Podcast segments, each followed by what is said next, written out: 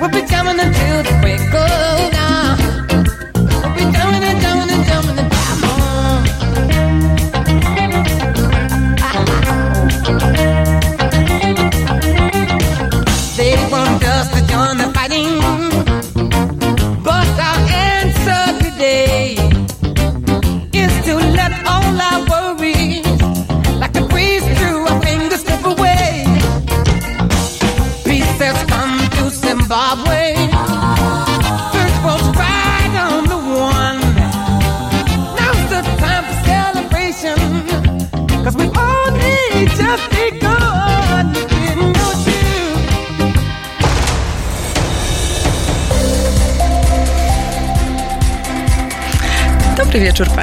Z tej strony Agata Skrzypczyk. Witam Was serdecznie w Halo Radio.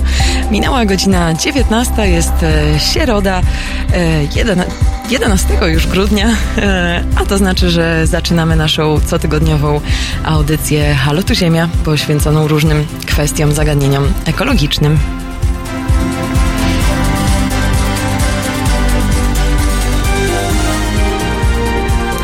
Halo Radio. Witam Państwa serdecznie. Tydzień temu nie było mnie z Wami z różnych e, losowych, e, z powodu losowych zdarzeń, natomiast już dzisiaj wracamy e, do formy. Będę z Państwem do godziny 21, więc przez następne dwie godziny będziemy rozmawiać na tematy em, ekologiczne. I dzisiaj, co się wydarzy dzisiaj? Dzisiaj będziemy mieli e, szereg dosyć poważnych zagadnień, ale mam nadzieję, że to nikogo z Was nie odstraszy. Przede wszystkim pierwszą godzinę poświęcimy na omówienie wydarzeń. E, takich może bardziej politycznych, e, z racji tego, że jeszcze przez kolejny, tak naprawdę do jutra już tylko, trwa konferencja klimatyczna w Madrycie, COP25. Mm, Podsumujemy trochę, co się tutaj działo do tej pory, a później na następną, w czasie naszej ostatniej godziny od 20 do 21 będziemy rozmawiać na temat e, ekologii, e, ekonomii, przepraszam, ekonomii e, i tego, czy ekonomia podąża za zmianami klimatu, czy ekonomia sama nie musi się trochę zmienić, żeby bardziej uwzględniać procesy e, właśnie degradacji środowiska. Ale o tym później. A przede wszystkim chciałam powitać teraz już swojego pierwszego gościa w studio, Bartłomieja Koska. E, Bartek jest specjalistą do spraw zrównoważonego rozwoju w organizacji, która się nazywa Centrum NetGrid Warszawa. E, Organizacja ta działa w partnerstwie z ONZ-em. Zgadza się, dzień dobry. Dzień dobry. Bartek jest też dziennikarzem i komentatorem, e, który śledzi bacznie właśnie różne polityczne, ekologiczne kwestie, dlatego też e, przez kolejną godzinę będziemy rozmawiać o tym, co się dzieje. Co się dzieje na świecie. I witam Państwa jeszcze raz serdecznie. Widzę, że bardzo przyjemne komentarze Państwo tutaj e, piszą i serdecznie zapraszam do, e, do dzwonienia do nas do studia i do, do pisania komentarzy, zadawania pytań. Chętnie będziemy na wszystko odpowiadać. Um, Bartku, to już ostatni dzień COP25 w Madrycie, prawda? Do 13, No, jeszcze, dobrze jeszcze pamiętam. mamy chwileczkę do piątku. Ach, do piątku. Faktycznie, dzisiaj środa. No tak, to- jedenasty. Jeszcze Tak, chwileczkę. Przy czym możemy założyć, że może się też wydłużyć odrobinę. No to też, jeżeli pamiętamy dobrze Katowice, no to Katowice też miały kończyć się w piątek, a skończyły się w sobotę, jak z tego co dobrze pamiętam, więc ten, więc jest bardzo duże prawdopodobieństwo, że te negocjacje mogą się nam przeciągnąć jeszcze chwileczkę. Hmm. Może zacznijmy w ogóle od tego, bo to jest chyba też bardzo ciekawe mm, w ogóle miejsce, w którym się to odbywa, że jest to ostatecznie Madryt, bo e, pierwotną lokalizacją tego, tej konferencji 25. klimatycznej miało być e, Chile, prawda? I dużo większe skupienie tam miało być na kwestiach związanych e, z oceanami, z wybrzeżem z Ameryką Południową, która wydaje się, że właśnie w tej chwili powinna przyciągać oczy komentatorów e, klimatycznych. Nie uważasz, że może ta decyzja tego, że ostatecznie właśnie COP się przeniósł do, do zachodniej Europy, trochę sprawia, że gdzieś tam jest to cały czas ten taki garnek, wiesz, rozwiniętych zachodnich krajów? E, no też pamiętajmy, że wcześniej miała się, szczyt klimatyczny COP miał się odbyć w Brazylii, ale to też e, niespecjalnie e, było mile widziane przez nowego prezydenta e, tego kraju, który nie słynie z jakichś bardzo mocnych e, ekologicznych inklinacji. E, no mieliśmy teraz Chile. Zresztą fakt, e, że ta, ten aktualny szczyt e, klimatyczny jest trochę robiony na zasadzie e, mm, ad hoc, no to widać nawet w samym logo, które jest bardzo zabawne. Jest tam napisane, że COP25 Chile, a pod spodem Madryt. Więc ten, więc to, to jest bardzo zabawne. Jeżeli chodzi właśnie o taką kwestię stricte związaną e, z, z COP-em, e, to kwestie klimatyczne już od dłuższego czasu nie są tylko domeną państw e, zachodnich. Tutaj kwestia Hiszpanii jest to tyle przynajmniej ciekawa, że tutaj możemy zwracać uwagę na kwestię tej sprawiedliwej transformacji ekologicznej, która była istotna chociażby dla e, poprzedniego e, rządu socjalistycznego, e, który mierzy się też tak jak zresztą i my mierzymy z e, doświadczeniami takich rejonów poprzemysłowych, pogórniczych i tym, w jaki sposób zapewnić tą sprawiedliwą transformację. A prawda jest też taka, że kwestie klimatyczne tak bardzo przenikają każdą dziedzinę życia, że tak de facto, kiedy się popatrzy na przykład na ten program tych wszystkich wydarzeń towarzyszących e, e, temu szczytowi, no to tak naprawdę one są e, poświęcone właściwie każdej kwestii naszego życia, więc nie tylko oceanom, ale tam znajdziemy kwestię mokradeł, kwestię e, roli kobiet w tej sprawiedliwej transformacji, poszczególnych źródeł energii, więc to jest bardzo szerokie e, pole do popisu zarówno dla organizacji pozarządowych, no i pole do dyskusji dla samych rządów. Um, Duża krytyka ze strony przede wszystkim młodych aktywistów e, jest skierowana w kierunku właśnie polityków obradujących na kopie. E, Krytyka, która zarzuca im przede wszystkim to, że się skupiają e, nie na tych słusznych rzeczach i nie skupiają się tak naprawdę na porządnych cięciach emisji i konkretnych rozwiązaniach. Na czym, co przejęło tak naprawdę narrację tej, tego, tego, tej konferencji klimatycznej? Znaczy, Kwestie e, tej konferencji s- m, e, w dużej mierze mają charakter techniczny, ale oczywiście jak to technikalia mają często bardzo istotny wpływ na, na to, jak później będzie wyglądać polityka klimatyczna jako taka. No to tutaj takimi e, dwiema kwestiami to jest kwestia e, mierzenia poszczególnych emisji tego, co w nie wchodzi, a w co nie, a kwestia ich wpływu, przeliczania. Natomiast z drugiej strony, no to kwestia takiej budowy takiego globalnego systemu handlu emisjami, który umożliwiłby właśnie wymianę tych emisji i późniejsze jakoś ich obniżanie. Już teraz jeszcze nie chciałbym wchodzić akurat w to, czy jest to najlepsze narzędzie e, na rzecz tego celu. Być może później będziemy mogli o tym porozmawiać. Natomiast to są takie dwa duże tematy. I takim istotną, istotną kwestią jest to, że można oczywiście popatrzeć na to z dwóch stron, bo jest ta strona pozytywna. E, mieliśmy paryskie porozumienie klimatyczne parę lat temu, które w końcu któremu w końcu udało się zrealizować coś, co nie udało się wcześniej na przykład szczytowi w Kopenhadze, temu legendarnemu szczytowi w 2009 roku, który e, no, poniósł duże fiasko Tak. i straciliśmy ładnych parę lat na rzecz ambitnej polityki, globalnej polityki klimatycznej. No ale z drugiej strony w ostatnich latach jesteśmy świadkami dużej takiej mobilizacji, czy to samorządów, władz lokalnych z jednej strony, czy też no, bardziej odpowiedzialnego, czy myślącego o przyszłości biznesu. To przy wszystkich oczywiście wadach i zaletach takiego zdecentralizowanego wpływu. Natomiast kiedy teraz przechodząc na tę drugą stronę monety, no to mamy kwestie związane z tym, jaka jest odpowiedzialność rządów i tutaj, no, żeby powiedzieć o tej skali, no to warto odwołać się do wydanego tuż przed COP-em e, raportu UN Environment, czyli Organiza- Agendy Narodów Zjednoczonych do spraw środowiska, e, z którą współpracujemy. E, co roku wydaje ona coś takiego jak Emissions Gap Report, czyli raport informujący o takiej luce między tym, gdzie jesteśmy i gdzie zmierzamy, jeżeli chodzi o te aktualne poziomy emisji a gdzie e, powinniśmy być, żeby osiągnąć ten cel najlepiej 1,5 stopnia Celsjusza, w najgorszym wypadku dwóch.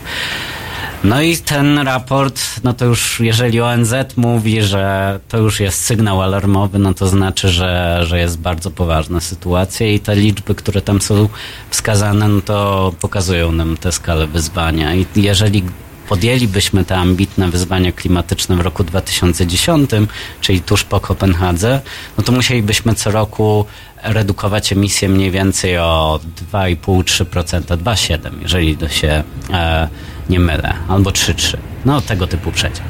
Teraz, żeby, jeżeli zaczniemy od 2020 i mhm. będziemy na, na, tej ścieżce redukcji emisji, to musimy co roku emito, e, emitować mniej globalnie o 7,6%. No to to pokazuje skalę wyzwania, Jasne. a według UN Environment mijającej dekadzie mieliśmy, obserwowaliśmy średni wzrost poziomów emisji o 1,5%, więc ta luka jest olbrzymia i z każdym już nawet nie rokiem, ale miesiącem coraz bardziej rośnie. Indolencja po prostu okazuje się być bardzo, bardzo kosztowna, tak, tak. naprawdę. To nie jest trochę tak, że właśnie y, zachowanie, zachowanie obradujących na kopie i w ogóle skupienie się na tych rzeczach, które wydają się, że mają mniejsze znaczenie, na przykład, y, na przykład cały ten case Australii i tego, jak, jak dokumentować y, właśnie emisje i czy można ograniczenia emisji z przeszłości liczyć jako te teraz.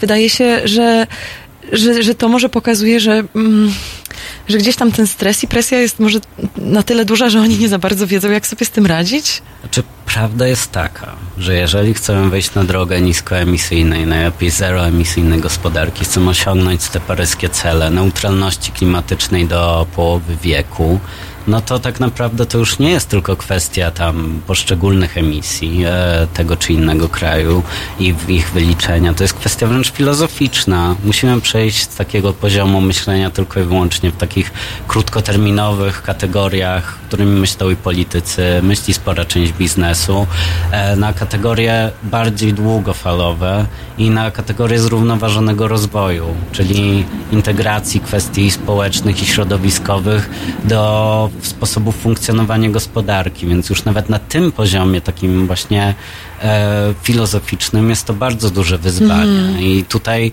kiedy poruszamy się tylko w obrębie negocjatorów, który, gdzie każdy chce jakoś zrealizować swój własny interes, czy poszczególne przemysły, czy poszczególne kraje, no to cały czas poruszamy się w obrębie tej starej logiki. I dopóki będziemy w tym obrębie się e, poruszać, no to dopóty te negocjacje będą wyglądać, jak wyglądają. Hmm. Dobrze, zaraz e, będziemy kontynuować ten temat. Za chwilkę po przerwie zapraszamy na piosenkę King of My Castle.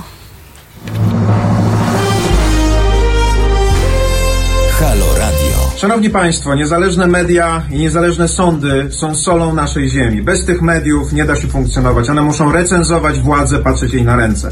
Halo Radio to niezależne medium obywatelskie, które się utrzymuje tylko i wyłącznie dzięki wsparciu obywateli. Ja popieram, zachęcam Państwa do tego, żeby także popierać, bo takie media są nam bardzo potrzebne. Marcin Matczak. www.halo.radio ukośnik SOS.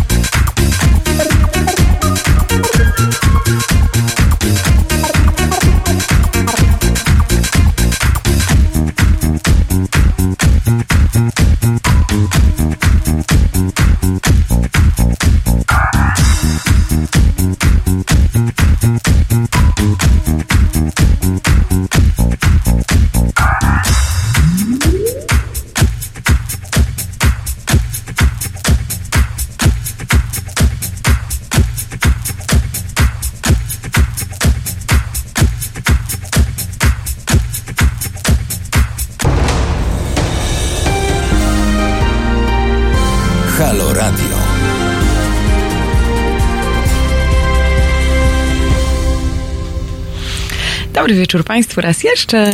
Mamy godzinę dopiero 15 po 19. E, Jest środa, to znaczy, że mamy audycję Halo tu Ziemia w Halo Radio. Jak co tydzień, prawie. Ale w tym tygodniu niewątpliwie. E, Jeszcze raz witam w studio e, Bartłomieja Koska z Centrum NetGrid Warszawa, która współpracuje z Agendą ONZ do spraw środowiska i zrównoważonego rozwoju, prawda? Dobrze, dobrze mówię.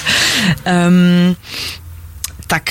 Um, Bartku, a co myślisz o tym? Rozmawialiśmy tutaj o, o, o- kopie 25, trochę o tym, jak, jak może te, te działania są mało, mało konkretne, dużo bardziej symboliczne. Pewnie część tych rozmów jest tak naprawdę na końcu, tak jak mówiliśmy w czasie przerwy, dopiero na koniec tygodnia e, zorientujemy się, czy coś się tak naprawdę udało udało ustalić.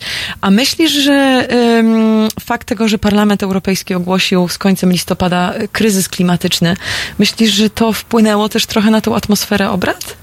Myślę, że najbardziej na atmosferę e, obrad, jeżeli już chodzi o sygnał z Europy, wpłynie to, co się działo dzisiaj w Parlamencie Europejskim, czyli ogłoszenie Zielonego Ładu dla Europy. I oczywiście podczas samej dyskusji nie padło bardzo dużo konkretów, natomiast już w samym jakichś tam dokumentach towarzyszących, no to mieliśmy taki bardzo szczegółowo rozpisany harmonogram dotyczący tego, w jaki sposób Europa miałaby zwiększyć swoje ambicje w, dzie- neutralności klimatycznej do 2050 roku, zwiększenia swoich ambicji dotyczących redukcji emisji gazów cieplarnianych. Akurat w tym Zielonym Ładzie mamy e, i redukcję z czter, poziomu 40% do 2030 do 50%, z dążeniem do 55%.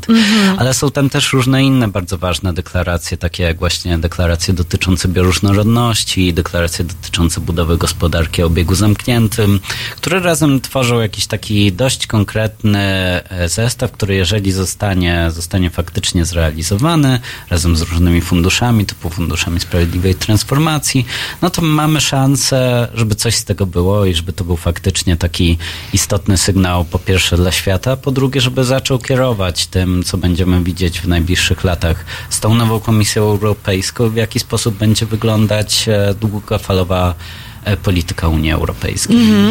Ten cel, to zwiększenie tego celu z ograni- o, y, mówiącego o ograniczeniu emisji gazów cieplarnianych z 40 na, y, miejmy nadzieję, 55%, y, to jest bardzo, to jest bardzo ambitny cel, to jest bardzo ważny, prawda? Bardzo ważny w ogóle tutaj taki mm, milestone, chciałoby się powiedzieć. Mhm.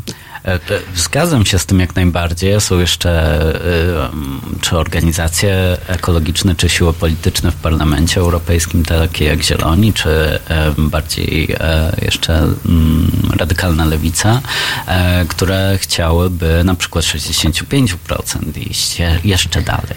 Um, pytanie, jak to zrobić, no na pewno do tego trzeba będzie finansowanie. I tutaj, jeżeli udałoby się faktycznie zrealizować ten plan, że Unia Europejska wykłada pieniądze jeszcze trochę jak wcześniej plan e, Junckera e, staje się taką swego rodzaju dźwignią do tego, żeby zmobilizować, tam mówi się, bo z tego co pamiętam, o 100 miliardach euro e, na rzecz tej transformacji ekologicznej energetyki, na przykład w kierunku odnawialnych źródeł energii, efektywności energetycznej, ale też dostosowania różnego rodzaju przemysłów do tych wyzwań związanych z gospodarką, najpierw nisko, a później zeroemisyjną, no to tutaj oczywiście tak, jest to ambitne, natomiast ten, tego, co potrzebujemy w tym momencie, to jest ambicja. Mm -hmm. No, mówiłem tak o tych 7,6%, a tak naprawdę też pamiętajmy, że w globalnych też negocjacjach czy dyskusjach na, na temat e, kryzysu klimatycznego, no tu mówimy o czymś takim jak wspólna, ale zróżnicowana odpowiedzialność. Europa, która z jednej strony przez dziesięciolecie jako kontynent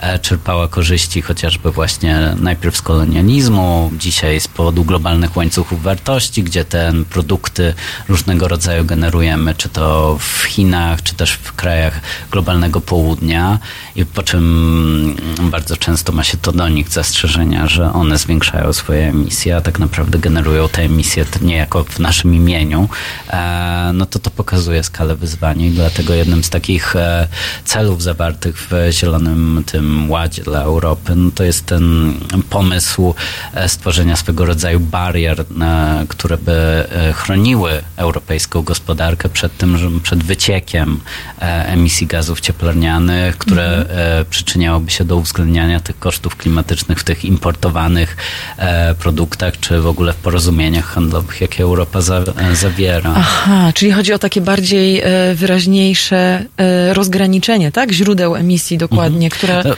to um, idzie pod takim hasłem jak border adjustment i ma polegać na tym, że właśnie dlatego, żeby na przykład chronić przemysły energochłonne, trochę tak jak na przykład przemysł stalowy, żeby nie uciekał poza Europę, no to też te dobra, które miałyby przy, e, być importowane z Europy, byłyby obłożone dodatkowymi barierami e, celnymi. Oczywiście tutaj pojawia się kwestia tego, czy e, na przykład Stany Zjednoczone nie byłyby zainteresowane z aktualnym mhm. prezydentem e, wprowadzeniem jakichś działań odwetowych i tutaj pojawia się cała kwestia e, reguł e, Światowej Organizacji Handlu i o tym też e, przewodnicząca Komisji Europejskiej Ursula von der Leyen, e, Leyen dzisiaj mówiła w Parlamencie Europejskim, więc tutaj jest też pewien szereg wyzwań. Natomiast jeszcze wracając do tego stanu kryzysu klimatycznego czy pogotowia klimatycznego, to bardzo ważne jest też, żeby za deklaracjami szły czyny. Dlatego ten zielony ład, o którym mówiłem, jest e, istotnym, ponieważ no, można ogłaszać różnego rodzaju pogotowie klimatyczne i takim symbolem tego była trochę niedawno Kanada, która ogłosiła najpierw, e, który parlament ogłosił najpierw stan tego pogotowia klimatycznego, a wkrótce potem e, e władze kanadyjskie przyklepują pomysły rozszerzenia ropociągu, więc też pokazuje, no jak bardzo ważne jest, żeby to jedno z drugim szło w parze, bo inaczej no to będziemy mieli tylko deklaracje, a deklaracje było, były tym, na co narzekamy, że na tym się kończy i na to narzeka chociażby Greta Thunberg. Tak, czy właśnie e, taki też był mój wniosek z tutaj też po to trochę to wspomniałam, to ogłoszenie tego kryzysu klimatycznego, bo to się wydaje takim zupełnie symbolicznym gestem, który niewielkie ma znaczenie, gdyby nie to, że może właśnie e, te kolejne ustalenia poszły, poszły w ślad. Mm, a powiedz jeszcze wracając do, do Zielonego Ładu, e, czy tam jest dużo miejsca, mm, ten dokument poświęca energii odnawialnej i roli, roli OZE właśnie w zmniejszaniu emisji? Czy tam są konkretne, konkretne cele rozwiązania? Znaczy dopiero tak poznajemy jego zręby, ponieważ tak jak mówię, no to teraz to mamy taką swego rodzaju mapę drogową jego wdrażania. Ona powstała dość szybko po, e, po wprowadzeniu nowej Komisji Europejskiej. E, no tutaj z jednej strony no to mamy też e, europejską politykę energetyczno-klimatyczną, która też zakłada mniej więcej no do tego 2030 roku zwiększenie udziału odnawialnych źródeł energii, jeżeli dobrze pamiętam do 32%, tak jako średniej w takim europejskim miksie. No ale tutaj jeszcze wracamy oczywiście do, do tego czy uda się to zrealizować. I to będzie wymagać z jednej strony takiej determinacji poszczególnych państw członkowskich, bo to one odpowiadają za praktyczną realizację tej polityki, a z drugiej strony e, no, tego, czy będą odpowiednie środki finansowe do wsparcia tego procesu. No właśnie, ale y, bardzo ciekawe jest to, że y, zdecydowanie obywatele już też oczekują od polityków konkretnych działań. E, I co ciekawe, wydaje mi się, właśnie próbuję znaleźć dokładną liczbę z ankietowanych, natomiast nie pamiętam ile to było dokładnie, ale chyba prawie 6, ponad 60 czy prawie 70% respondentów e, obywateli Pol Polski e, powiedziało, że zdecydowanie chcą, żeby Polska przestała blokować właśnie do, dążenia do osiągnięcia e, właśnie e, układu. Mhm. Tutaj...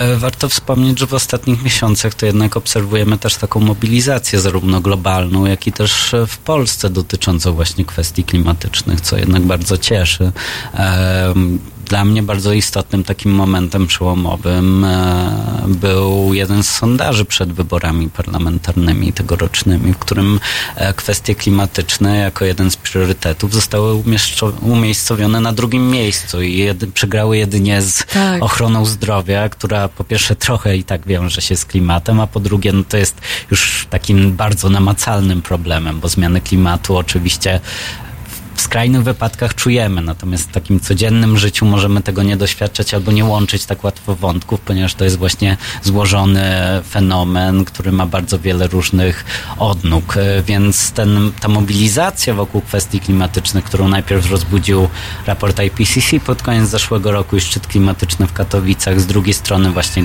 Greta Thunberg i młodzieżowe strajki klimatyczne, no ja pamiętam jeszcze e, siebie jako młodego aktywistę 10 lat temu i pamiętam e, protest przed kancelarią premiera właśnie w okolicach Kopenhagi, w którym brało udział 50 osób. Teraz e, Aha. mamy protesty czy strajki klimatyczne w około 70 polskich miastach, więc to, to z perspektywy tych 10 lat, e, przy wszystkich oczywiście fakcie, że jest to coraz bardziej nagląca kwestia, no to jednak kiedy tak się wróci, cofnie się e, historycznie, no to no, można powiedzieć, że to robi olbrzymie wrażenie. I jest, to jest pierwszy tak. taki krok do tego, żeby mogło dojść też do takich realnych zmian politycznych dzięki temu naciskowi. To jest niesamowite. Ja też dzisiaj o tym myślałam, bo zaraz, ile ja mam lat?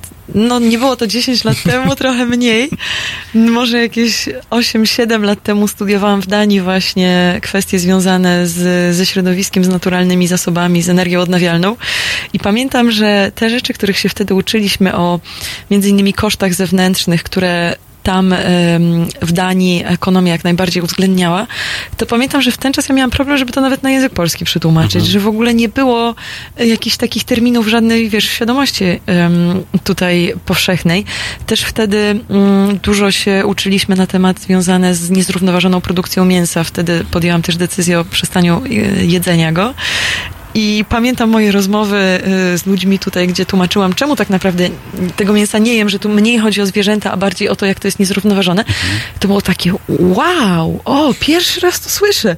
A teraz to jest tak zupełnie, to jest niesamowite, jak duża zmiana, jak szybko się toczy. To jest, to daje dużo nadzieję, prawda, że te sondaże też, że ta nasza świadomość się tak zmienia. No nawet jak nie cofniemy się nie 10 lat, ale bliżej 5, no to tak naprawdę dopiero wtedy zaczynała się w cudzysłowie kariera smoku, czyli tej świadomości, że coś jest nie tak z powietrzem w naszych miastach. No to już jest bardzo taki namacalny problem e, ekologiczny, tak? Więc, e, a dzisiaj jesteśmy w takim e, momencie, kiedy właśnie te radykalne, straszne w cudzysłowie dieta wegetariańska, no nagle jest jednym ograniczeniem mięsa, staje się jednym z takich absolutnie e, mainstreamowych kwestii, które są poruszane na przykład w grafikach e, Organizacji Narodów Zjednoczonych, na przykład na początku e, tego roku, kiedy był szczyt taki środowiskowy, który się nazywa UNEA, ma taki skrót i odbywa się w Nairobi.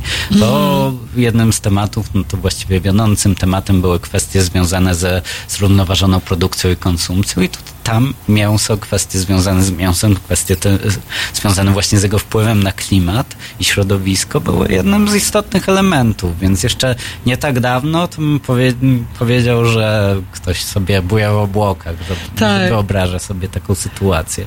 A teraz to zaczyna być jak najbardziej takie naturalne. Mamy telefon chyba na linii, e, natomiast zrobimy przerwę e, na piosenkę Over the Rainbow i jeżeli nasz słuchacz z nami zostanie, to porozmawiamy z nim na początku kolejnego wejścia.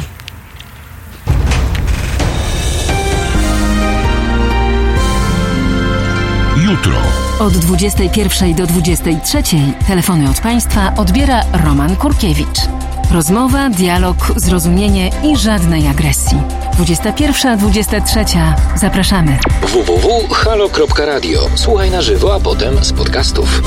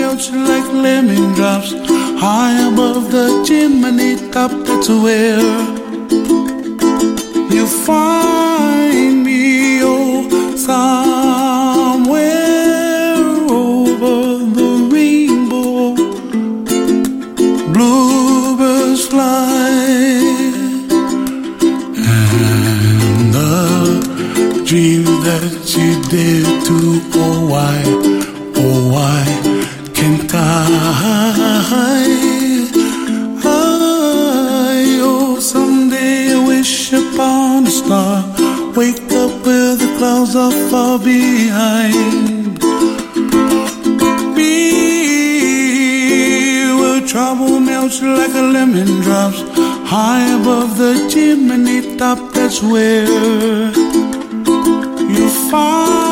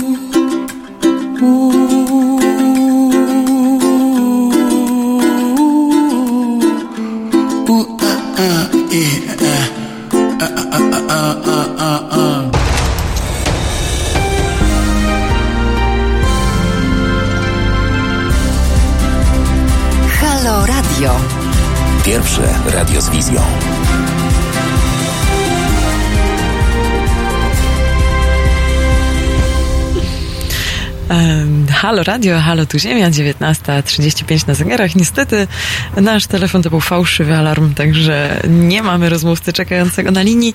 Natomiast jeżeli chcieliby Państwo do nas zadzwonić i się przywitać, to serdecznie zapraszam. Numer telefonu 22 390 59 22. Um, nie są Państwo zbyt aktywni w komentarzach. Domyślam się, że bardziej Państwo słuchają i się dowiadują, ale jak najbardziej zapraszam też do, do komentowania um, i może wnoszenia tutaj jakiegoś swojego wkładu też w tą rozmowę. Ze mną w studio niezmiennie w tej chwili Bartłomiej e, Kozek z Centrum NetGrid Warszawa, afiliowanym przy, e, przy ONZ-cie. Bartku, właśnie chciałam się ciebie zapytać, czym e, ta enigmatycznie grzmiąca organizacja się zajmuje? Więc tak, Centrum UNEP Warszawa powstało w 1991 roku i jesteśmy sieci, częścią takiej globalnej sieci e, zbierającej informacje, czy też promującej działania właśnie Programu Narodów Zjednoczonych do spraw środowiska, znanego jako UN Environment albo od skrótu UNEP, stąd też ten element w naszej nazwie. Więc e, naszym zadaniem z jednej strony jest promowanie tego, co UNEP robi e, w Polsce, informowanie o wyzwaniach środowiskowych, e, którymi aktualnie się zajmuje, w tym oczywiście o tych aspektach środowiskowych innych agent ONZ-u, które również się pojawiają w takim globalnym dyskursie Narodów Zjednoczonych, no a z drugiej strony oczywiście przenoszenie tych wyników czy badań na jakąś taką konkretną polską praktykę i promowanie zrównoważonego rozwoju na takim polskim poletku. Mhm. A przyglądacie się jakoś też e, polskim politykom? Patrzycie im na ręce, jakoś rozliczacie ich, czy nie wchodzicie w taką skalę mikrokrajową? E, mamy trochę inną, e, inną pozycję, ponieważ też wiemy, że e, jest nieco organizacji e, ekologicznych, które patrzą się politykom na ręce i odgrywają bardzo ważną rolę. Greenpeace czy WWF jest tego, są tego e, bardzo dobrym przykładem. Natomiast my stawiamy sobie za cel przede wszystkim stymulowanie dyskusji, bo wychodzimy z założenia, że kluczowe w tym momencie jest poszerzenie wiedzy i budowanie mostu, bo wymiar środowiskowy polityki ma teraz wymiar nie tylko właśnie związany z ochroną środowiska, ale z jednej strony właśnie właśnie z pokazywaniem tych powiązań między ochroną środowiska, kwestiami społecznymi i gospodarczymi z jednej, no a z drugiej strony z takim wymiarem e, bardzo demokratycznym, partycypacji społecznej z jednej strony, a z drugiej z właśnie z e, tworzeniem jakichś takich przestrzeni e, rozmowy, no, także między różnymi czy organizacjami, czy instytucjami publicznymi, które bardzo często ze sobą e, nie rozmawiają. Mm -hmm. Widzę, że. Mm, czy mamy telefon? Tak? O, mamy tutaj słuchacza w studiu. Możesz założyć słuchawki? Tak, halo, halo, dzień dobry. Halo? A kto do nas, kto do nas dzwoni? Kuba? Czy jest ktoś, kto... Proszę? że jej nie ma, uciekła. Aha, uciekła. Uciek... Pani się przestraszyła. Zdarzy się. O. Chyba jeszcze raz spróbujemy. No. Okej, okay, dobra, jeszcze raz Chyba się tym razem uda. Halo, dzień dobry. Dzień dobry. Dzień dobry. E, dzień dobry, witam serdecznie. jak, się, jak się pani nazywa i skąd do nas pani dzwoni? To znaczy, ja mam na imię Danusia, bo nie lubię Stanuta. Okej. Okay. I dzwonię z Katowic. Dzień dobry, pani Danusia. Tak, ja tak bardzo w tym temacie, to znaczy, jeżeli chodzi o klimat, to nie jestem aż tak biegła i i takie szerokie tematy nie w tym, ale chciałam tylko powiedzieć, że my jako rodzina, jestem babcią, mam trójkę wnuków i my jako rodzina staramy się wychowywać nasze dzieci już w tej chwili bardzo y, dużą świadomością ekologiczną. Mhm. I, I, nie tylko polegającą na tym, żeby wyrzucać, segregować śmieci, bo to taka jest podstawa, ale ogólnie właśnie, żeby dzieci rozumiały, co to znaczy zmiany e, klimatyczne, żeby rozwijały, e, e, przestawiliśmy w ogóle jedzenie dzieciom.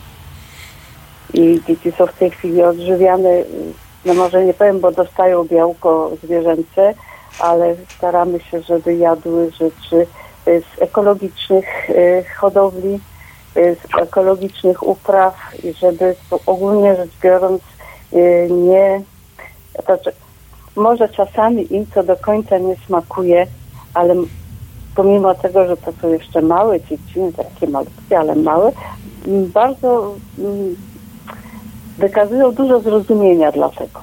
Mhm. I, my, I, ja myślę, to już kończę to, że, że jest y, jedyne, co my możemy w tej chwili zrobić, to właśnie wychowywać dzieci. Bo starsze pokolenie, tak jak ja, to że to jest takie trochę na strat, jak ja obserwuję, rozmawiam, to ciężko się dogada. Bardzo.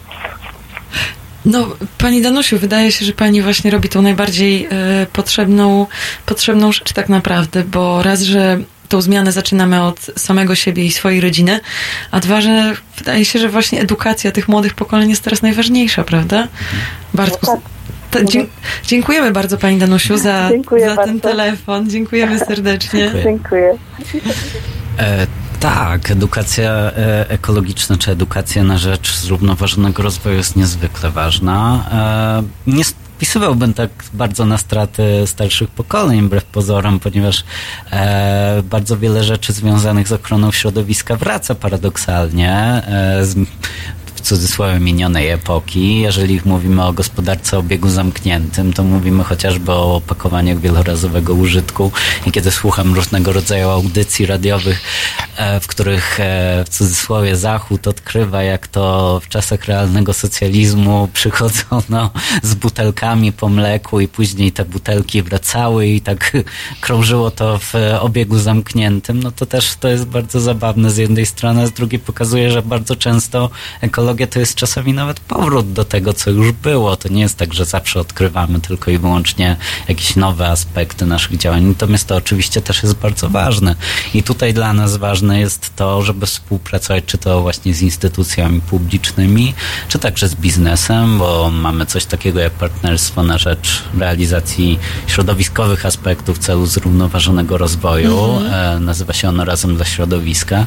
I tutaj właśnie grupujemy tego typu podmioty po to, żeby wymieniać się wiedzą, wymieniać się dobrymi praktykami, no ale też e, współdziałać na rzecz między innymi kwestii ekologicznych. I tutaj takim przykładem jest chociażby projekt e, Ciepło dla Miast, e, który realizujemy tutaj razem chociażby z Fundacją Veolia Polska, w którym wykorzystujemy bardzo popularną grę Minecraft, a właściwie środowisko tej gry i no zieloną wersję gry Minecraft, czyli EcoCraft, do tego, żeby dzieci, młodzież szkolna, zespoły szkolne w tym środowisku tworzyły swoją dzielnicę czy miasto marzeń, odpowiadały na wyzwania środowiskowe, mm, takie jak właśnie odnawialne źródła energii, obecność zieleni w ich otoczeniu, różne tego typu kwestie i po to, żeby projektowały te udzielnice, bo wychodzimy z założenia, że im skorupka za młodu nasiąknie, tym bardziej będzie za, będą to ludzie, którzy w przyszłości w swym dorosłym życiu będą świadomi tych wyzwań mhm. ekologicznych i będą w praktyce czuli że mogą wpływać na rozwiązywanie tych problemów, z którymi mierzą się oni chociażby jako mieszkańcy miast. Ale super pomysł, czyli weszliście we współpracę z producentem gry Minecraft, tak, który stworzył taką specjalną wersję zieloną, interaktywną, bardziej w, y, dla, dla właśnie dla, do szkół. Czy tutaj wykorzystaliśmy to środowisko, wykorzystaliśmy chęć współpracy oczywiście partnera tutaj trochę non-profit, trochę biznesowego, do tego, żeby jakoś wykorzystać to do poszerzania wiedzy, więc to pokazuje, w jaki sposób partnerstwa, które są jednym z bardzo ważnych elementów celów zrównoważonego rozwoju, czyli wracając e, krok e, wstecz, 17 celów, które zostały jeszcze w 2015 roku przyjęte przez ONZ i mają stanowić taką ramę globalnego rozwoju do 2030 roku. Tam oczywiście jest klimat, między innymi są kwestie związane ze zrównoważoną produkcją i konsumpcją. No i jednym z tych celów jest partnerstwo na rzecz celów, czyli tak jak bardzo często działamy tak w takich swoich niszach, silosach, nie rozmawiamy ze sobą, tak partnerstwa są takim wychodzeniem ze strefy komfortu w cudzysłowie i działaniem właśnie na rzecz e, ludzi planety, które realizujemy w praktyce. Super, ale bardzo mi się podoba ten, ten projekt, który jest troszkę y, taka podobne to, do tego, co robi pani Danusia, można powiedzieć. Mhm, Taka tak. edukacja na właśnie dzieci, tylko tutaj w wymiarze też komputerowym. Strasznie, bardzo, bardzo ciekawe. Fajnie, że o tym wspomniałeś. Em, słuchajcie, a teraz piosenka Friday I'm in Love zespołu The Cure. Bardzo, bardzo fajna. I wracamy za parę minut z powrotem. Halo Radio. Nazywam się Tadeusz Bartoś. Zachęcam do wspierania medium obywatelskiego, inicjatywy Kuby Wątłego. To będzie y, być może rzecz zupełnie nowa. Kuba Wątły chce, żeby powstała inicjatywa wymiany myśli, wymiany opinii, poznawania świata, niezależna od wielkich mediów. Dlatego to jest medium obywatelskie. Zachęcam do wspierania tej inicjatywy na stronie Patronite. Tam wszystkie dane będą dostępne. Profesorze, a będzie pan e, w takim projekcie uczestniczył? Z chęcią wezmę udział w tym projekcie. Zobaczymy, jak się ułoży. www.halo.radio ukośnik SOS.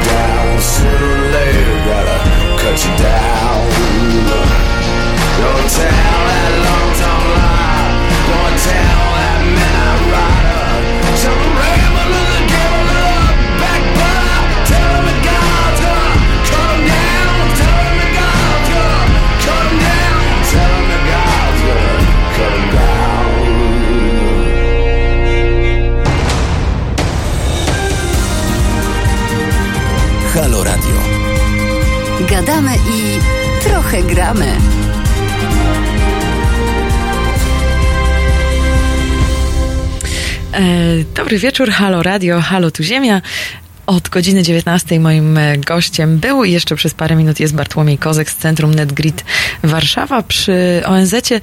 E, Bardzo ciekawa rozmowa na temat, e, zaczęliśmy od kopu 25, e, ale że tam jeszcze zbyt wiele nie wiadomo, to gdzieś tam pomandrowaliśmy w różne inne kierunki, a dla mnie hitem, hitem było to, co powiedziałeś przed przerwą, że w programie Ciepło dla Miast e, gra Minecraft jest wykorzystywana do tego, żeby dzieci się uczyły, jak projektować ekologiczne miasta z wykorzystaniem zielonych technologii.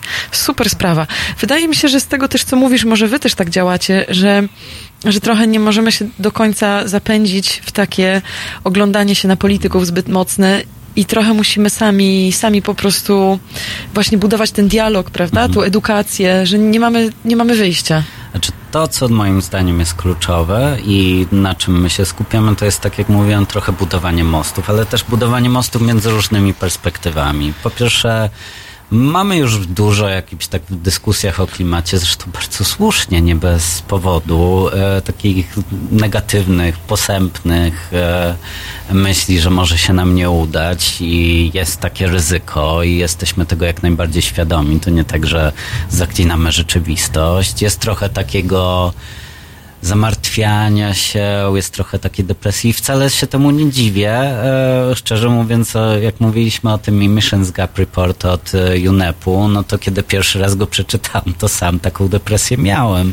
więc zupełnie takiej postawie się nie dziwię. Natomiast poza tak, takim, taką postawą i takim trochę budowaniem lęku o przyszłość, no to staramy się jednak z drugiej strony, korzystając z tej wiedzy, budować pewną nadzieję jakąś na taką przyszłość i pokazywać, że każdy z nas może działać, bo trochę też chcemy wyjść poza taki, taką dychotomią, e, bo często jest w ruchu ekologicznym takie przeciwstawianie, przynajmniej w części działań indywidualnych i zbiorowych. Potrzebujemy jednego i drugiego. Osoba, Mhm. która najpierw zainteresuje się prawidłową segregacją śmieci, najprawdopodobniej odpadów tak naprawdę, e, najprawdopodobniej szybciej zainteresuje się później zmianami klimatu niż osoba, która nagle z ulicy usłyszy, że ziemia nam płonie i w związku z tym i w związku z tym zacznie działać. Więc moim zdaniem powinniśmy być też wyrozumiali dla siebie nawzajem w szeroko pojętym ruchu ekologicznym, dla postaw ludzi do tego skąd oni przychodzą, a z drugiej, z drugiej strony też otwarci na działania różnego rodzaju partnerów, którzy czasami nie są kojarzeni z jakimiś takim, takimi ambicjami klimatycznymi jak część biznesu. Mhm. Należy patrzeć na ręce biznesowi, rządom, decydentom, należy trzymać ich za słowo. Jeżeli mówią o mm, szczytnych deklaracjach, to muszą też je realizować. Ale też możemy tworzyć jakieś takie przestrzenie, w których e, dyskutujemy o faktach naukowych z jednej strony, a z drugiej strony e, działamy i promujemy wiedzę. Bardzo mi się podobało to, co powiedziałeś, że musimy być wyrozumiali sami dla siebie nawzajem, bo wydaje mi się, że czasami popadamy też w jakiś taki ostracyzm ekologiczny, zbyt mocny, a w gruncie rzeczy to zostało powiedziane już przez wiele organizacji. To mi się bardzo podoba, że nie potrzebujemy garstki osób, która perfekcyjnie będzie stosować zasady ekologii. Potrzebujemy tłumu miliardów po prostu osób, które będzie to robić nieperfekcyjnie i to, e, i to nas może przybliżyć do wspólnego celu. Bartku, wydaje mi się, że na tym możemy zakończyć naszą rozmowę. Z przyjemnością, e, z przyjemnością ją odbyłam z Tobą. Dziękuję Ci bardzo, że byłeś ze mną w studio. Bardzo dziękuję za E, zaproszenie. Bartłomiej Kozek z Centrum NetGrid e, Warszawa. A Państwa jeszcze zachęcam do tego, żebyście zostali z nami do godziny 21, ponieważ zaraz w studio pojawi się mm, dwójka znamienitych ekonomistów, z którymi będziemy rozmawiać o tym, jak powinniśmy zmienić założenia ekonomiczne, żeby e, odnaleźć się w kryzysie ekologicznym. Widzę, że jest telefon w studio, ale musimy kończyć, więc e, jeżeli, e, jeżeli nasz słuchacz będzie miał jeszcze chęć, to, to po godzinie 20 z przyjemnością ten telefon odbierzemy.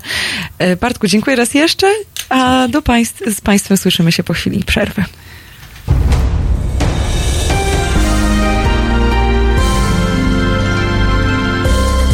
Jutro. Od 19 do 21. Muzyk, animator życia kulturalnego, społecznik, a przede wszystkim świadomy obywatel Tomek Końca i jego fantastyczni goście. 19.21. www.halo.radio. Słuchaj na żywo, a potem z podcastów.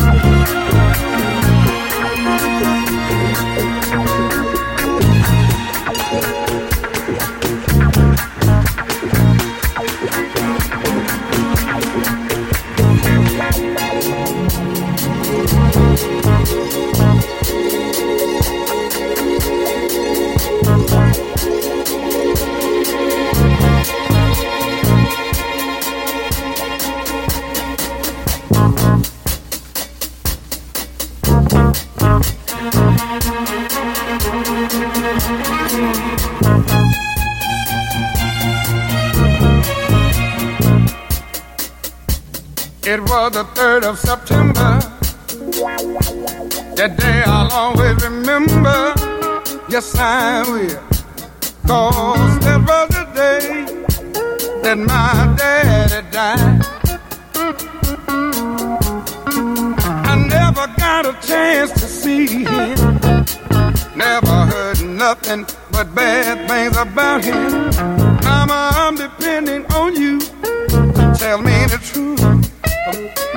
Hung her head and said, son,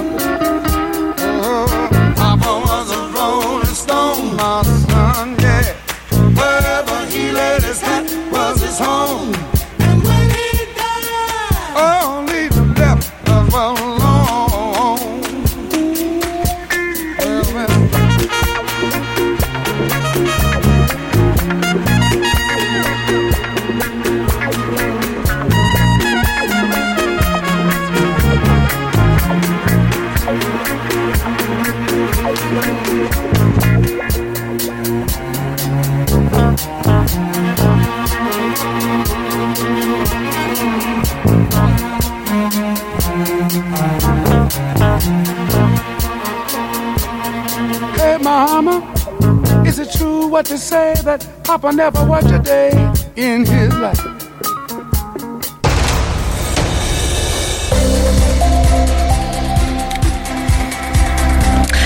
Dobry wieczór Państwu, Agata Skrzypczyk. E, witam w drugiej godzinie naszej ekologicznej audycji Halo Tu Ziemia w Halo Radio.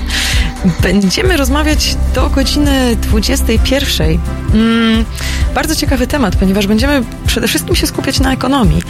E, Zmiana klimatu jest niewątpliwie największym, jednym z największych wyzwań e, w tej chwili naszego czasu i dotyczy ona nie tylko mm, w tej chwili degradacji środowiska, ale też wielu innych obszarów naszego życia. Wydaje się, że ekonomia bardzo powinna reagować właśnie na to wyzwanie, natomiast tak się nie dzieje.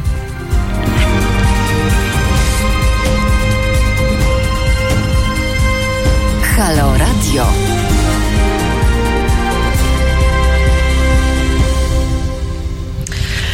Wzrost, wieczny wzrost jest, e, wydaje się, nadal głównym motorem napędowym e, naszej polityki, naszej, e, naszych finansów, naszej gospodarki. I czy to jest dobre założenie, czy nie powinniśmy tego zmienić, czy nie powinniśmy tych zasad ekonomicznych trochę zweryfikować podług tego właśnie, co się, co się dzieje z naszym klimatem. O tym będziemy rozmawiać przez kolejną godzinę. Myślę, że to będzie bardzo ciekawa rozmowa. Chciałam przywitać swoich e, dwóch gości e, w studio. Po kolei e, Jan Hudzyński. Em, Janku, przedstawię Cię jako działacza ruchów klimatycznych i ruchu na rzecz pluralizmu w ekonomii e, Rethinking Economics oraz przede wszystkim przedstawiciela grupy Economist for Future. Dzień dobry, zgadza się. Dzień dobry. E, Drugim gościem jest e, Zbigniew Bohdanowicz, ekonomista z Wydziału Nauk Ekonomicznych Uniwersytetu Warszawskiego oraz od niedawna również zasiada w rektorskim zespole doradczym do spraw kryzysu klimatyczno-ekologicznego właśnie na Uniwersytecie Warszawskim. Dobry wieczór, witam wszystkich. Dziękuję bardzo za przyjęcie zaproszenia do studia. Bardzo się cieszę, że w takim znakomitym gronie będziemy mogli e, rozmawiać. Może zaczniemy po kolei i może wytłumaczymy te różne terminy, które tutaj e, padły. No właśnie, Economist for Future to jest e, bardzo ciekawy, bardzo ciekawy ruch, który od niedawna powstał. Czy Janku mógłbyś, myślę, że to będzie bardzo dobre wprowadzenie do naszej rozmowy, o co w ogóle, o co w ogóle tu chodzi. Mhm. I Economist for Future to jest, to jest taka międzynarodowa inicjatywa, która, tak jak wspomniałaś, niedawno powstała.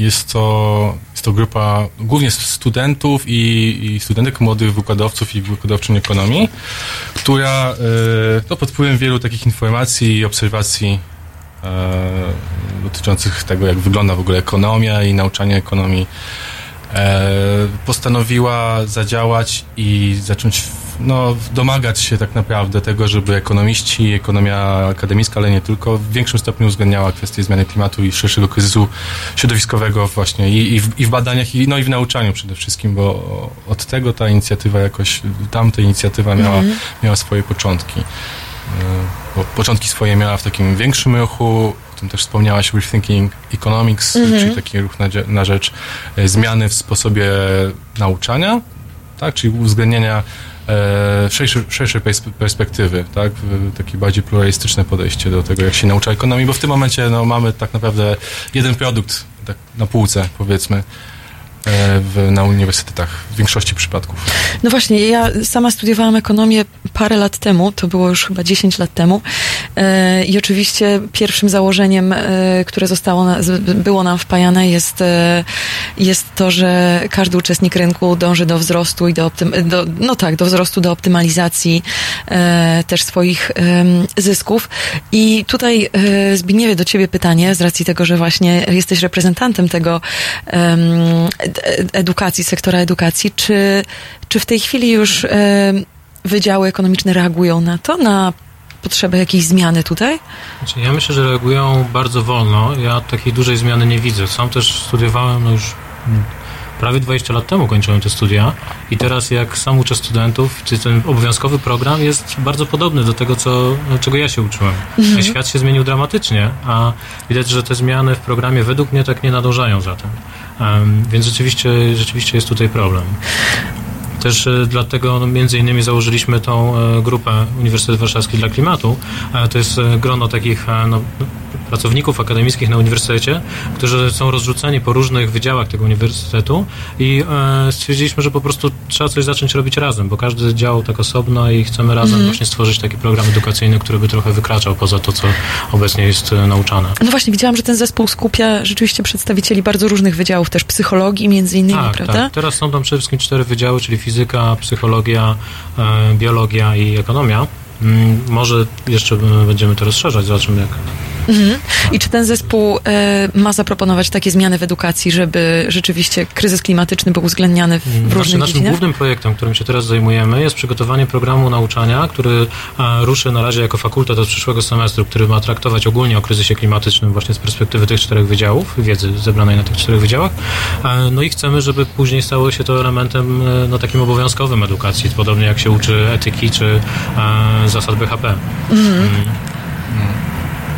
Janku, wydawało mi się, że chciałeś coś dodać. Tutaj, Tak, tak, tak. Chciałem, chciałem dodać to, że mimo tych wielkich z- zmian, które zachodzą na świecie, chociaż pewne rzeczy się nie zmieniły, to może po prostu y, w większym stopniu są y, tak przez ekonomistów zauważane, jak pewne właśnie te podstawy psychologiczne, które w ekonomii... Podstawy, w sensie psychologia ludzka się nie zmieniła przez te lata, jedynie zmieniło się to, że większość, że więcej ekonomistów dostrzega to, że pewne tam założenia są zupełnie absurdalne.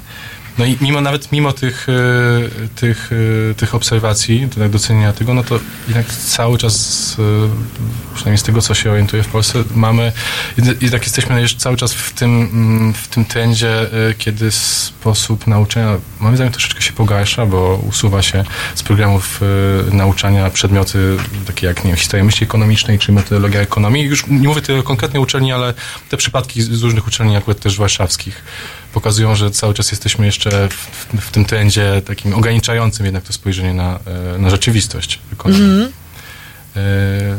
Tak, to chciałem To dorzucić. mi się wydaje, że to wynika z takiego ogólnego problemu, że zmiany na świecie dzieją się teraz tak szybko, że my nie nadążamy po prostu za z dostosowywaniem się. I to są i jeśli chodzi o nasze przyzwyczajenia, sposób życia, wartości, którymi się kierujemy w życiu i też właśnie programy nauczania. To jest, jakby, to jest jeden z wielu aspektów y, życia, w którym my nie nadążamy według mnie za takim adoptowaniem się do tego zmieniającego się, się świata. Chociaż z drugiej strony wydaje mi się, że te założenia, które, które powstały teraz, tak naprawdę miały też dużo czasu na to, żeby się troszkę zmienić. I między innymi w zeszłym tygodniu czy dwa tygodnie temu rozmawialiśmy o polityce y, Unii Europejskiej związanej z rolnictwem. I pomimo tego, że tak naprawdę swoje początki ona miała w latach 50., to do tej pory cały czas ta polityka się opiera po prostu na tym, żeby produkować jak najwięcej jedzenia, niezależnie od tego, jakiej jakości tak naprawdę jest i jak spływa na środowisko. Więc wydaje mi się, że ten, no to już jest taki minął trochę szmat czasu, żeby te założenia zweryfikować. I też wspomniałam o tym w tej pierwszej godzinie, że y, później studiowałam, najpierw studiowałam ekonomię w Polsce, y, później w 2011 roku y, w Danii. I tamta, mm, ta uwzględnienie externalities, które w ten czas zupełnie nie wiedziałam nawet jak przetłumaczyć na polski, bo to był termin w ogóle tutaj nie, nieużywany, tych kosztów zewnętrznych. I tam ta świadomość była dużo większa i ta ekonomia się w dużej mierze skupiała też na tym właśnie, jak uwzględnić w, mm, w obliczeniach różnych inwestycji właśnie te koszty, które tutaj wydawałoby się, że zupełnie są nie do wyliczenia. Więc nie, nie wiem, czy to jest, nie, chyba bym się z tym nie zgodziła, że, że, że, że nie nadążamy. Wydaje mi się, że może gdzieś po prostu mamy jakiś taki trochę opór przed... Nie chcemy. Może nie chcemy, rzeczywiście. Ym, tak, może nie chcemy, też mi się może wydaje, że to wynika z jakichś naszych podstawowych takich psychologicznych po prostu dosyć ograniczeń, że zawsze jednak patrzymy tylko na ten interes krótkoterminowy i ta podstawowa y, klasyczna ekonomia też o tym przede wszystkim mówi, prawda?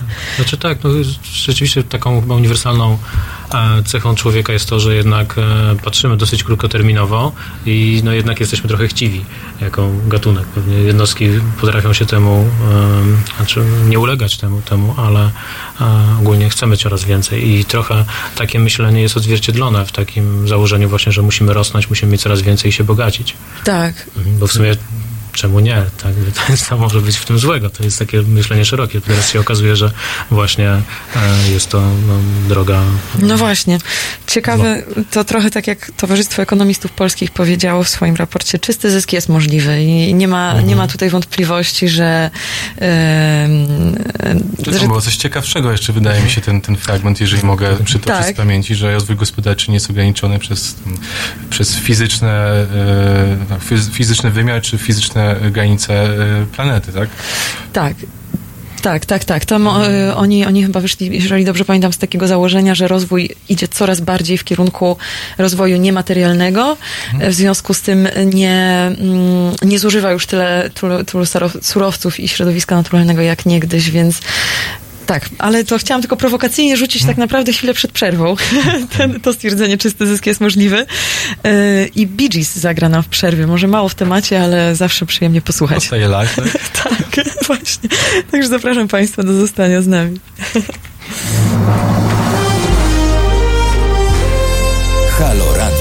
No proszę Państwa, bardzo namawiam do słuchania Halo Radia. To jest pierwsze radio obywatelskie już bardzo ważne i bardzo istotne i tu się głównie gada, yy, ale gada się no takie mądre rzeczy, a w każdym razie prawdziwe. Agnieszka Holland. Tomasz Piątek. A ja zachęcam bardzo do wspierania Halo Radio, bo jeżeli nie będziecie go wspierać, to zniknie. www.halo.radio ukośnik SOS.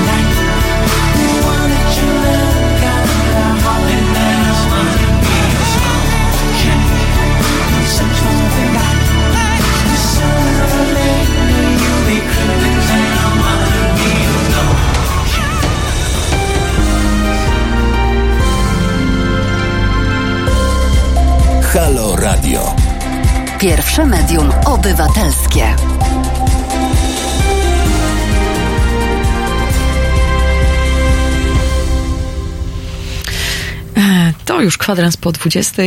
E, Drodzy Państwo, mm, jesteśmy w drugiej godzinie naszej ekologicznej audycji Halo tu Ziemia. Ze mną w studio Zbigniew Pochtanowicz i Jan Chudzyński z Uniwersytetu Warszawskiego oraz z ruchu Economist for Future. Zaczęliśmy w, przed przerwą troszkę tak liznęliśmy ten temat, ale właśnie Janku, jakbyś powiedział, jakie w ogóle są em, postulaty tego ruchu ekonomistów dla przyszłości? Mhm. E, Wspomniałem wcześniej, to się opiera na pewnej obserwacji, e, cały ruch. Obserwacja, od tego chciałem wyjść. E, Obserwacja jest taka, wniosek, e, że ekonomia i ekonomiści bardzo niewiele tak naprawdę robią w, w kierunku nie wiem, znajdywania rozwiązań dla problemów środowiskowych, no, głównie zmiany klimatu i, i, i, szerszego kryzysu środowiskowego. Zarówno Widać to w ilości badań, jak i w, sposobie nauczania, w programach studiów, no jak i w ogóle w aktywności naukowców, ekonomistów i ekonomistek w tym, w tym obszarze. No właśnie, jeszcze przepraszam, że ci wetnę w zdanie, bo wydaje mi się, że to jest bardzo ciekawe. To chyba przeczytałam na waszej stronie, że ym, najbardziej cytowany ym, magazyn ekonomiczny Quarterly Journal of, of Economics nie napisał żadnego, nie opublikował żadnego artykułu, który byłby poświęcony zmianie klimatu, prawda? To tak tylko... Tak, tak, tak. Bo to jest bardzo, prawda, bardzo, coś, bardzo coś, ciekawe. Coś w tych, tych głównych, y, bo tutaj w ogóle opieramy się na danych, na danych przedstawionych przez, e, przez e, profesora Nikolasa Sterna. To jest bardzo znaną postać, jeżeli będzie czas, możemy też wspomnieć o, o jego, Tak. jego raporcie. Zdecydowanie. E, no, który zrobił takie badanie, właśnie przegląd e, tych głównych, naj, takich naj- największych e, czasopism naukowych, ekonomicznych. Rzeczywiście wyszło, że w tym tak naj, najbardziej znanym rzeczywiście nie było takich artykułów. Są artykuły, w których po prostu pojawia się słowo klimat, ale no nie, nie, nie możemy tutaj e, dać się zwieść. Nie, ma rzeczy, nie było rzeczywiście takich artykułów, które odnosiłyby się do tej, e, do tej współczesnej zmiany, zmiany, zmiany Czyli ja klimatu. tylko powiem, że ekonomia to nie jest taka nauka ścisła jak fizyka, gdzie zapytamy fizyka jak jest i po prostu jest jedna odpowiedź. Tutaj e, opinii jest dużo i są różne nurty w ekonomii. To, że akurat ten nurt główny właśnie jest mm, najbardziej popiera ten wzrost gospodarczy, tą eksploatację i trochę jakby pomija temat zmian klimatycznych, to może być odzwierciedleniem tego, że tego się od ekonomistów trochę oczekuje. Bo czemu e, tacy ekonomiści są bardziej, nie wiem, czytani, czy e, dostają nagrody, są bardziej cenieni niż ci, którzy e, wyznają bardziej, nie wiem, ekologiczną ekonomię, czy zauważają właśnie te ograniczenia planetarne i, te- i te efekty zewnętrzne. To...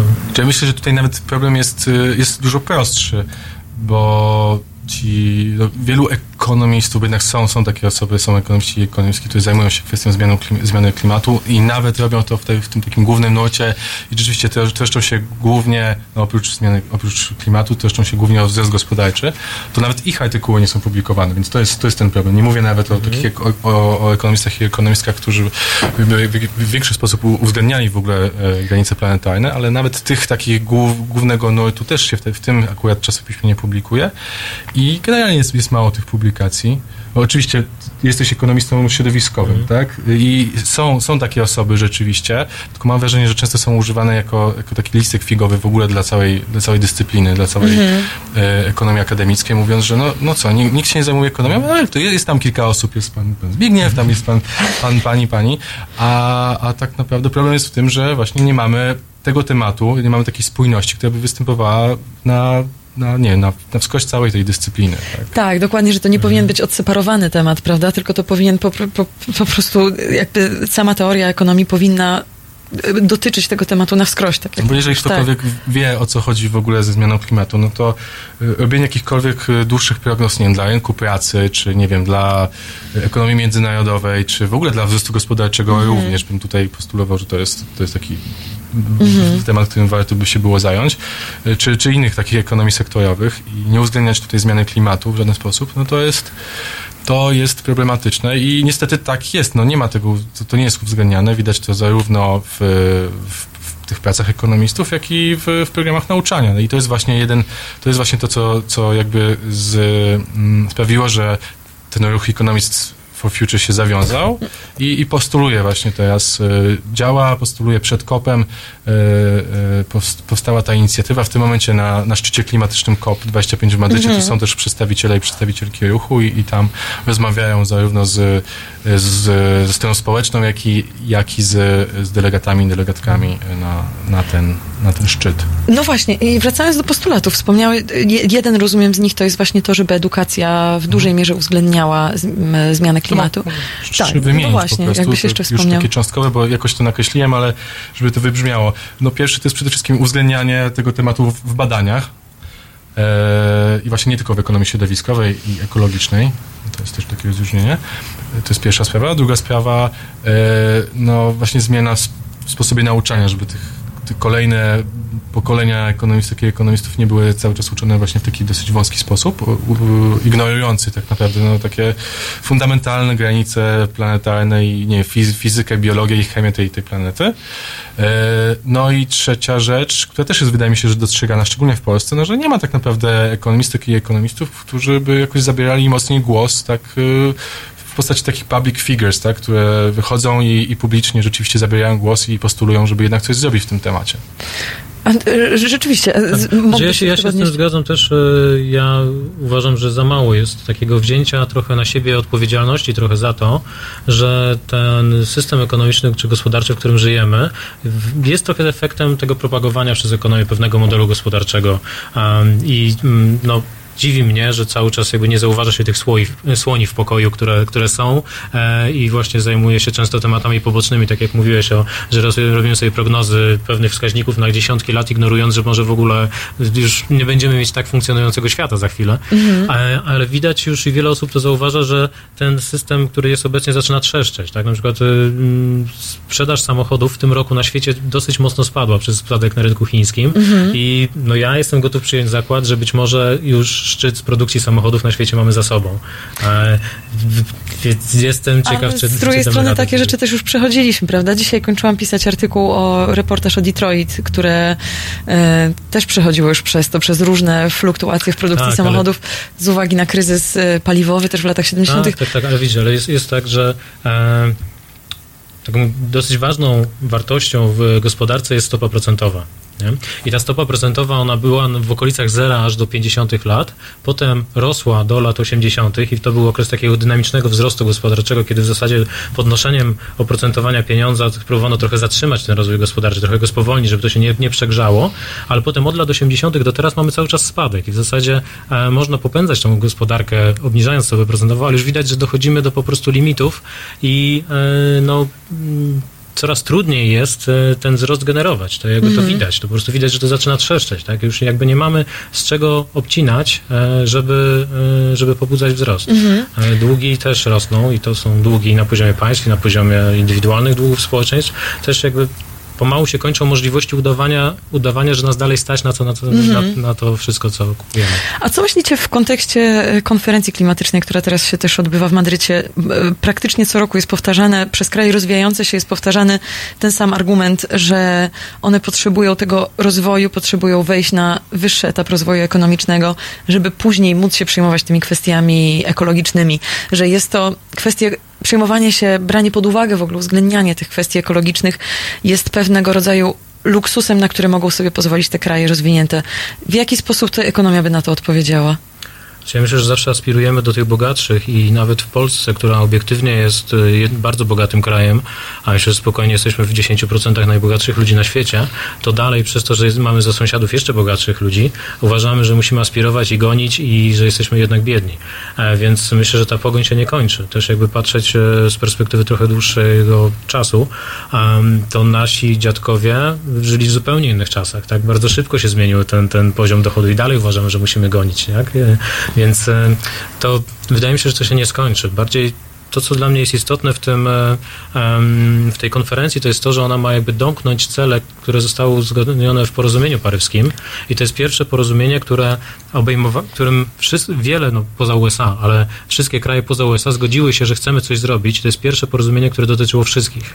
A to jest bardzo ważne, żeby działać wspólnie, bo bez tego po prostu działania takie lokalne nie, nie no właśnie, skuteczne. wspomniałeś y, wcześniej w czasie przerwy, że ekonomia patrzy na środowisko naturalne jako dobro wspólne i tylko działania kolektywne.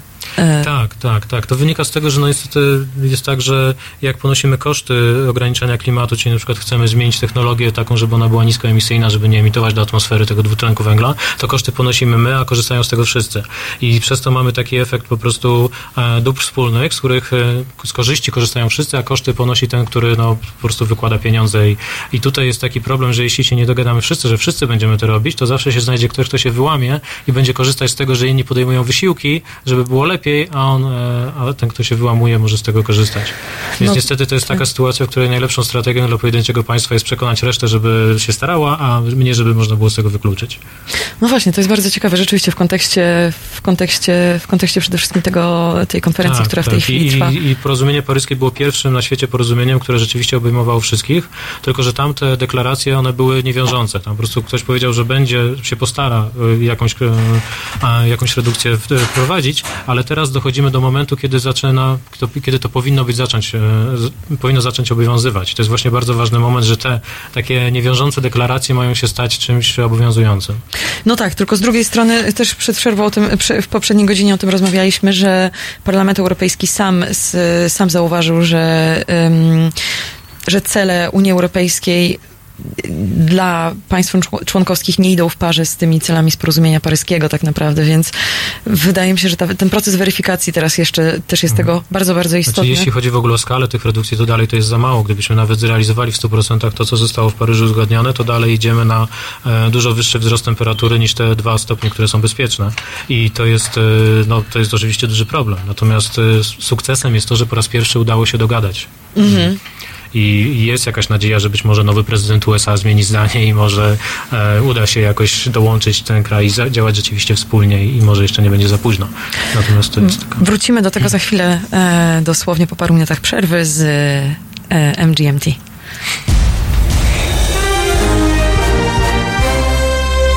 Jutro. Od 17 do 19 filozoficznie, ale bez zbędnego zadęcia. Porozmawia z Państwem Natalia Wilk-Sobczak. 17-19. www.halo.radio. Słuchaj na żywo, a potem z podcastów.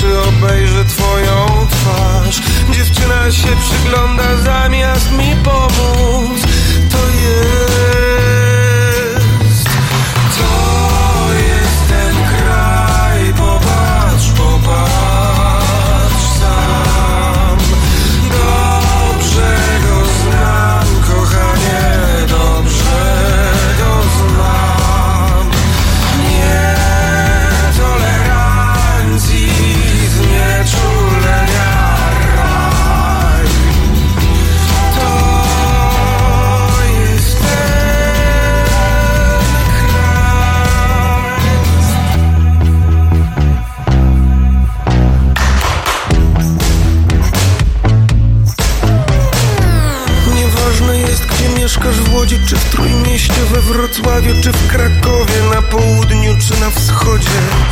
Nieważne jest, jak żyjesz, często jest ci źle i niefajnie czujesz się. Ten ciężki ranek i to ciężkie powietrze Które przecież kochasz i którego nie chcesz Tu zimne słońce jest wymieszane z deszczem To jest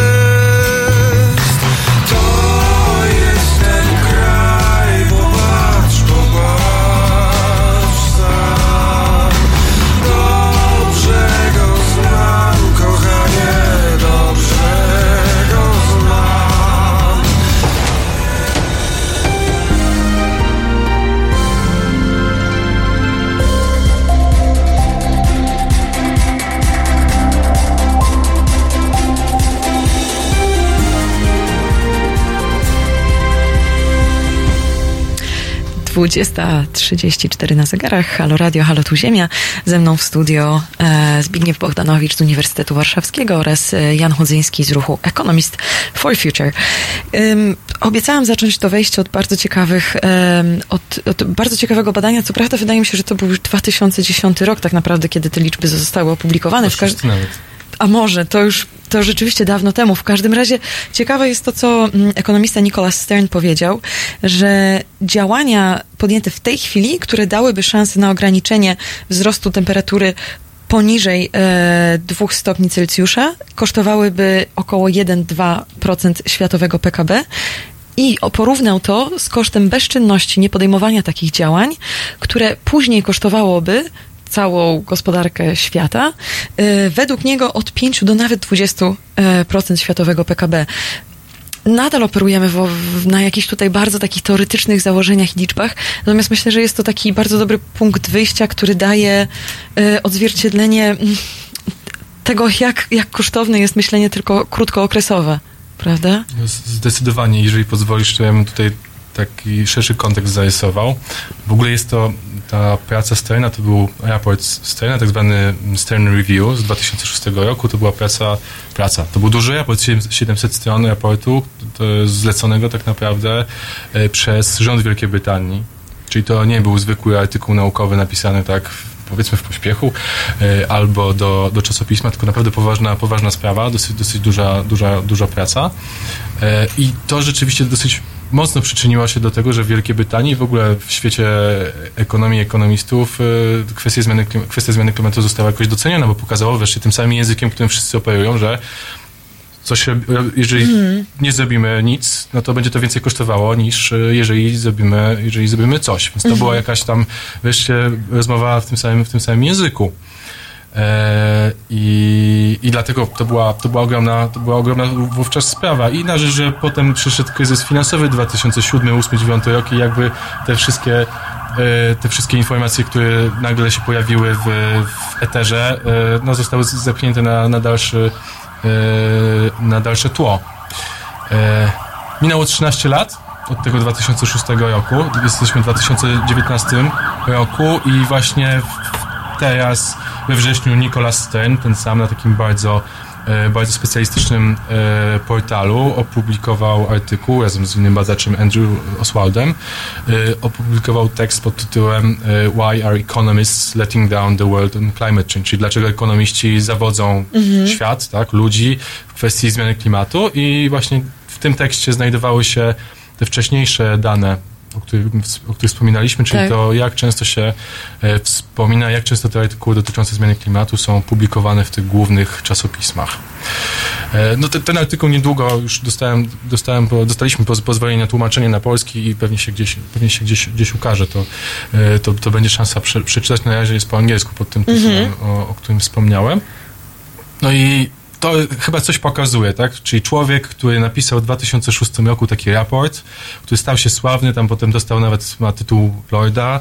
E, no po 13 latach pisze, że hej, słuchajcie, no niewiele się, niewiele się dzieje i że potrzeba jakiegoś, potrzeba jakiegoś impulsu, impulsu z zewnątrz, żeby te badania ekonomiczne e, w akademii i nie tylko e, no jakoś no, zdynamizować. Ale wiesz, ale właśnie ja się zastanawiam, co powinno być tym impulsem, wiesz, bo to oskarżamy trochę ekonomistów, a mam wrażenie, że y, wynika to z tego, co myśli całe społeczeństwo. Wiesz, jak spojrzymy na to, co duża część społeczeństwa myśli o jakichś ruchach ekologicznych, to no, ci ludzie są traktowani jako jacyś wariaci, którzy e, przeszkadzają po prostu się bogacić, e, wszystko blokują. I no, być może gdyby społeczeństwo czego innego oczekiwało, też ekonomiści by trochę... A to, to bardzo niepokojące y, z mojej perspektywy założenie co do y, tego, co do jakiejś motywacji w ogóle Mhm. y, tej nauki społecznej, jaką jest ekonomia. To znaczy, jeżeli ona ma odzwierciedlać to, co ludzie myślą, no to... Nie, myślę, że po prostu procent ekonomistów, y, że ekonomiści też są ludźmi, którzy podobnie się dzielą jak społeczeństwo, jeśli chodzi o pod, pod te postawy.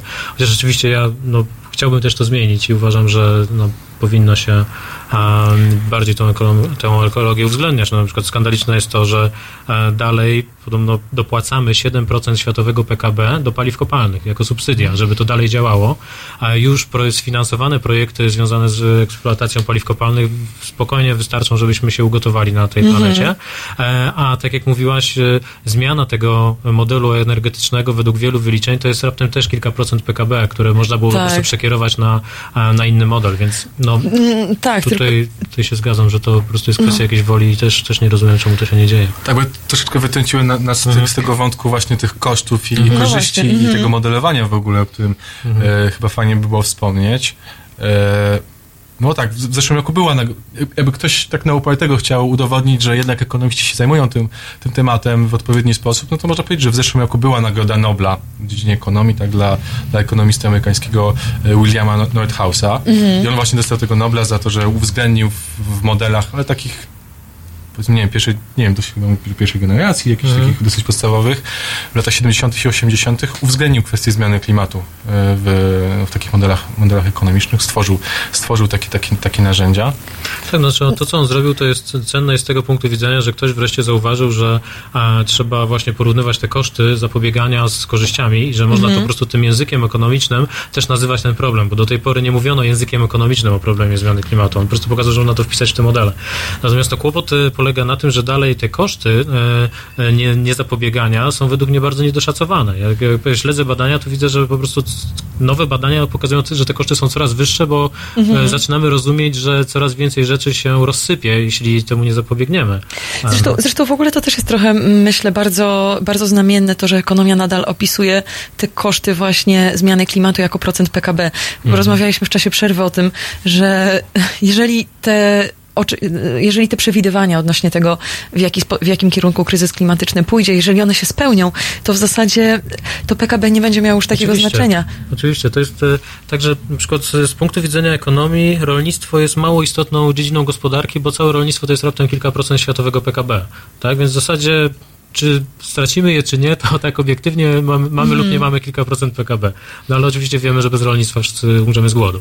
Um, więc to pokazuje takie, taką absurdalność tego typu myślenia. Tak, jest to trochę odseparowane od tego, co faktycznie zmiana klimatu może przynieść w takim ujęciu ludzkim, prawda? Rzeczywiście głód, e, nie- niedobory wody, wojny klimatyczne, e, masowe migracje. I przedstawianie tego tylko i wyłącznie operowanie jako, jako ten procent PKB, wydaje się, że to nadal pokazuje gdzieś tam takie odseparowanie ekonomii od, od tego Jeszcze faktycznie. gdyby to w ogóle miało jakiekolwiek y, zakorzenienie w rzeczywistości, Mhm. no bo nie wiem, Tak. rozmawialiśmy o tym, że y, w tym y, w, nawet w, tej, w tym wystąpieniu, w tym, w tym wykładzie no, no, noblowskim po otrzymaniu nagrody, to jest w ogóle znana sprawa, że, że tak wyglądają te modele i Nordhausa i takie wyniki wypływają. No, wychodzi na to, że y, optymalne, kosztowo oczywiście, czyli właśnie co się najbardziej opłaca, mm, jakie korzyści y, wzrostu PKB albo jak, jak najmniejszy spadek, no, no, najbardziej się opłaca to, żeby y, ocieplenie klimatu, wzrost globalnej temperatury wy- wyniósł 3,5 stopnia do końca stulecia, co jeżeli ktoś w ogóle ogarnia na jakimś podstawowym poziomie y, tak naukę o klimacie, no to wie, że to jest no, A, No, i, znaczy tu jest, szaleństwo, tak? w takim myśleniu z jest, punktu widzenia, przepraszam, opłacalności gospodarki rzeczywiście tak zostało tak, to pokazane, jest porównanie, że po- koszty zapobiegania wtedy będą podobne do korzyści, które to zapobieganie przyniesie. Także to jest takie optimum. No i wy, Ale- ale, ale powiedział to- o tym w Oslo, tak? Tak, powiedział od, od, odbierając nagrodę. Em, no jest, jest to rzeczywiście przerażające i absurdalne, no bo to y, pokazuje, że dalej takie, takie myślenie, że zmiana klimatu to będzie zmiana temperatury o parę stopni, a reszta się nie zmieni. I takie patrzenie na świat taki, jak jest teraz, że żadne inne aspekty tego świata się nie zmienią, poza tym, że nam się zmieni trochę temperatura. Że tak naprawdę zmieni się wszystko. I e, no, niezauważanie tego e, prowadzi do tego typu myślenia. Także dalej będziemy mieć właśnie PKB, które będzie podobnie, widziałem, model świata będzie Tak. podobny, tylko zmieni nam się ta jedna że rzecz. nadal będziemy mogli to E, opisać tymi samymi tak, wartościami. A, a, a, a zmieni się no, no bardzo dużo i po prostu nawet pojęcie PKB może przestać być istotne. Ja musiał troszeczkę uspokoić, czy nie za bardzo uspokajać, ale jednak troszeczkę uspokoić, że na przykład w takich kręgach, takich naprawdę top y, policy makers, czyli osoby, które rzeczywiście decydują o jakichś tam politykach i, i uwzględniają jakieś y, tego typu, m, tego typu analizy, to szczęśliwie operują się na troszeczkę innych modelach. One rzeczywiście mają te, z mojej perspektywy, wadę, że rzeczywiście starają się jakby ważyć wszystko kosztem i, ko- i kosztem albo mm, zyskiem PKB, czy wzrostem PKB, ale nie są aż tak absurdalne jak te, które niestety cały czas widać w, w różnych podręcznikach, w różnych badaniach i właśnie jak widać nawet na, y, na gali, w sensie nawet y, w no, Nagrodzie Nobla, bo problem z tymi, problem z tymi, y, z tymi modelami jest taki, y, akurat te, o których wspomniałem y, Nordhausa, jest to, że one zakładają, że zmiana klimatu i, jej konsekwencje no, postępują w sposób, w sposób liniowy, Mhm. tak? czyli że nie ma żadnych efektów, nie ma ża- żadnych mm, sprzężeń zwrotnych albo Tak. nagłych po prostu. I one się jakichś- zatrzymają zawsze tam, gdzie chcemy. tak, tak czyli jest, się... jest założenie teraz takie liczby, z, z, może nawet nie z głowy, tylko z księżyca, tak powiem, że nie wiem, że ze wzrostem temperatury o, o 1 stopień PKB spadnie o, o 0,5. No takie założenie, czyli liniowa funkcja. Tak, tak, tak, tak, co jest, tak, tak. Co jest dla, znowu, dla, znowu dla osoby, która jakkolwiek ogarnia naukę o klimacie, no to jest, to jest absurd, tak. Tak, znaczy na pewno z Kredytem się zgadzamy, tak, się zastanawiam, co, co, co można po prostu z tym zrobić. e, No właśnie, e, zostawmy to na nasze kolejne wejście za chwilkę po przerwie. Wasteland Young piosenka i zaraz będziemy właśnie jeszcze na ten temat rozmawiać dalej.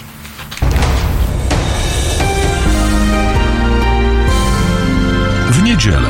Od 21 do 23 do świata swoich fascynacji dokumentalnych zabierze Państwa reżyser i aktywista obywatelski Konrad Szołański. 21, 23. www.halo.radio. Słuchaj na żywo, a potem z podcastów.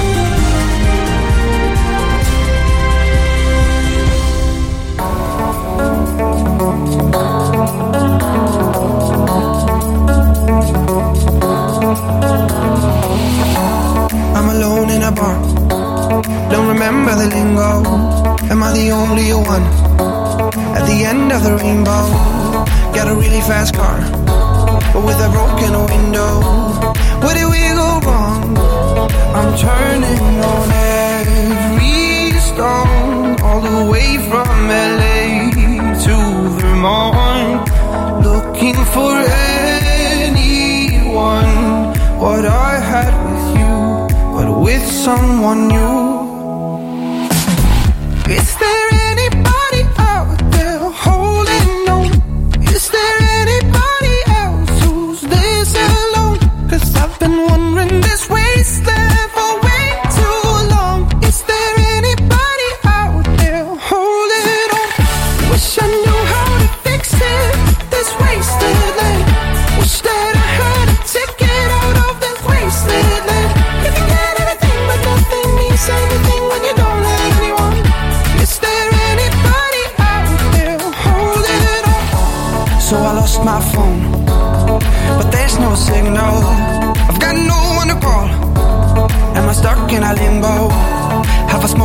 Much. Maybe I'm just dreaming. Have I lost my touch? I'm turning on every stone, all the way from Bombay to Stockholm, looking for anyone. What I had with you, but with someone new.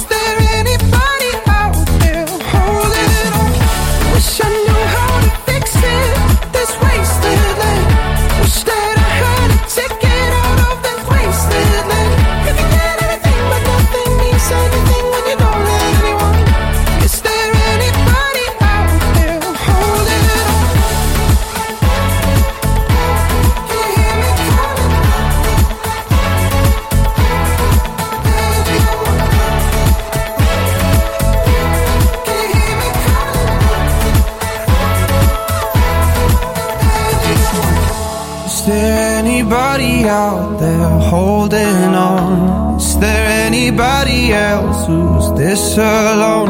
I've been wandering this wasteland for way too long. Is there anybody out there holding on? Wish I knew how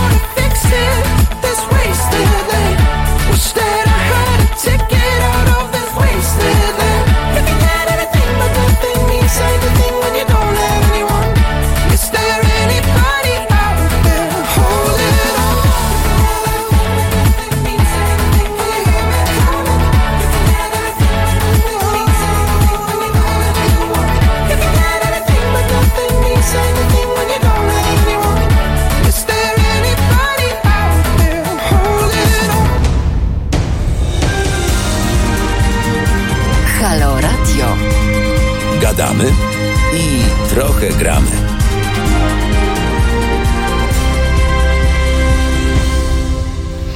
To już ostatnie 10 minut naszego cotygodniowego programu Halo tu Ziemia w Halo Radio. Ze mną w studio od godziny już e, prawie Jan Chudzyński z Economist for Future i Zbigniew Bogdanowicz z Wydziału Nauk Ekonomicznych Uniwersytetu Warszawskiego. Słuchajcie, czy jesteśmy w stanie w ogóle w paru zdaniach powiedzieć właśnie poza krytykowaniem powiedzieć, jak ekonomia powinna zareagować, teraz e, jak powinna się zachowywać w czasie kryzysu klimatycznego, co powinniśmy zmienić, jakie czy są jakieś rozwiązania? Znaczy, rozwiązania się pojawiają, próbuje się, próbuje się to zmienić, na przykład próbuje się odejść od e, tego wskaźnika PKB e, do jakichś innych miar, które miałyby oceniać kondycję mm, gospodarki, czy kondycję bardziej ludzi.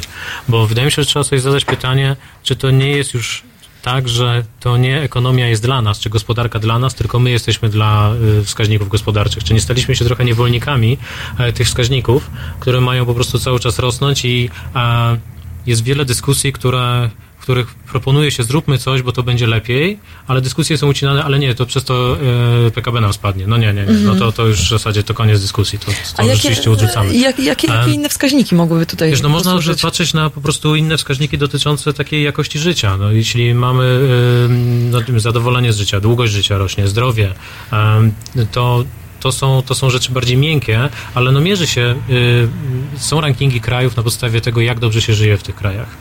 I to oczywiście, no też Norwegia powiedzmy jest na pierwszym miejscu, to jest kraj bogaty, ale, ale to nie jest tak, że to idzie dokładnie w powiązaniu z, z bogactwem. Można y, po prostu widać, że bo, niektóre bogate kraje są niżej niż by wynikało na przykład Mhm. tylko z samego obiektywnego poziomu PKB.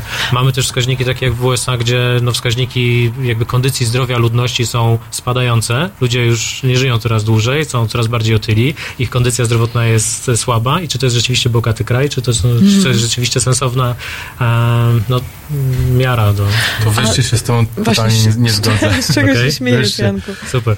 E, nie, no wydaje mi się, że w ogóle rozmowa o PKB w tym momencie wobec e, no, tego wyzwania, przed jakim stoimy, to jest totalne, nie wiem, z angielską powiedział, że to jest dystraktor, coś, co po prostu, może nie to, że służy rozproszeniu, ale że rozprasza naszą u, uwagę i to jest coś, to jest coś tak prostego i tak elementarnego i tak już wiele razy przedyskutowanego i tak już wiele lat temu przedyskutowanego i nawet w Polsce przedyskutowanego i nawet w Polsce e, pojawiały się, nie wiem, w, wydawnictwem, wyda, wydawnictwie Polskiego Towarzystwa Ekonomicznego też raporty właśnie ekonomistów dosyć znanych, też znowu zlecane przez rząd akurat Francji, chyba i Wielkiej Brytanii, właśnie, że PKB jest, jest kiepską miarą, powinniśmy Mhm. zastąpić to taką, a taką, taką miarą. No tych dyskusji jest już tyle, ja nawet też No tak, prowadziłem, ale, robiłem, ale czemu to się nie dzieje? robiłem wywiady z ludźmi trzy lata temu na ten temat i, i, i uczestniczyliśmy w, jakichś, w jakichś, jakichś dyskusjach i, i to jest totalny mainstream, to nie jest żadne jakieś główne rozwiązanie. No jeżeli teraz kierujemy swoją uwagę na to, no to świadczy tylko o tym, że no, tak naprawdę jest, jest, jeszcze gorzej, jest jeszcze gorzej niż Nie, można było co, się dla mnie, przy, dla mnie to, że przypuszczać. To, że PKB jest cały czas dominujący, pokazuje, że po prostu pewne wartości, którymi się kierujemy, są. No bo za, za wszystkimi działaniami stoją wartości, tak? Możemy to opisywać dużym skomplikowanym modelami, czy bardzo trudnymi słowami, ale są po prostu pewne rzeczy, które, mm, czy wartości, które mówią, co jest sukcesem w życiu, tak? I cały czas e, trochę myślimy o tym, że jednak to większe PKB to jest ten sukces. Ja się Jeśli z- się to nie zmieni, to nie, nie, nie będziemy potrafić inaczej wartościować tego No życia, właśnie. to trochę nie będziemy do innych celów dążyć i, i nam no, nie wyjdzie. Ale to jest też kwestia zmiany trochę naszej mentalności właśnie, bo myślę, Tak. że PKB w dużej mierze odzwierciedla nasze, No to nasze spojrzenie. odzwierciedla mentalność, Tak, nasze spojrzenie na to. Zaraz. Ja, ja się z- Tak. zgodzę co do tego, że to należy zmienić. Oczywiście, że się zgodzę, bo to jest dosyć oczywiste jak dla mnie, ale no, są problemy takie fundamentalne, przed którymi, które Jakie? no chociażby to właśnie, że w ogóle nie w wielu, i- na w wielu przedmiotach w wielu e, też ekonomiach takich sektorowych, nie wiem, ekonomia rynku pracy, nie wiem, w ogóle całe teorie wzrostu gospodarczego, czy wszystko to, czego się uczy na, na Uniwersytecie Ekonomicznym, na Wydziale Ekonomii, na Wydziałach Nauk y, o Zarządzaniu, no to nie ma, nie ma tego podstawowego elementu, czyli tego, że jest zmiana klimatu, y, w większości przypadków oczywiście, nie ma tego, że, y, tego, że jest zmiana klimatu, a także tego w przepraszam, a także tego, że No tak, ale słuchaj, zostawmy tych ludzi, którzy są powiedzmy tymi skostniałymi ludźmi, którzy wierzą w to samo, co było dekady temu, bo oni pewnie będą w to wierzyć dalej, ale no już y, sam temat tego, że mamy kryzys klimatyczny się pojawia, tak, się pojawia coraz częściej w mediach i ja wierzę w to, że jednak, no jeśli oni nawet się nie zmienią, to po prostu te, te no, społeczeństwo się zmieni, wyrosną nowi Mhm. ludzie, którzy będą o tym mówić i jakieś myślenie o rozwiązaniach y, będzie potrzebne. No właśnie, miejmy taką nadzieję. W dużej mierze się to zaczyna też od edukacji, więc ym, też mam taką nadzieję, że te działania chociażby właśnie Uniwersytetu Warszawskiego, powoływanie takich zespołów do spraw y, kryzysu klimatycznego pokazuje, że może ta edukacja będzie taką dużą naszą ostoją w tym, Tak, co i- możemy później zrobić. I, i marsze Niestety- w ramach strajku klimatycznego, które przyciągają setki tysięcy ludzi w wielu miastach na całym świecie, już pokazują, że jakieś tam przebudzenie jest. Tak, niestety musimy już kończyć. Ta godzina nieubłaganie dobiegła końca, pomimo tego, że o wielu jeszcze kwestiach mogliśmy porozmawiać. To ja, jako że nie zdążyłem, no to też zaproszę w takim razie na stronę Economist for Future. Economist for Future, tam jest li, list.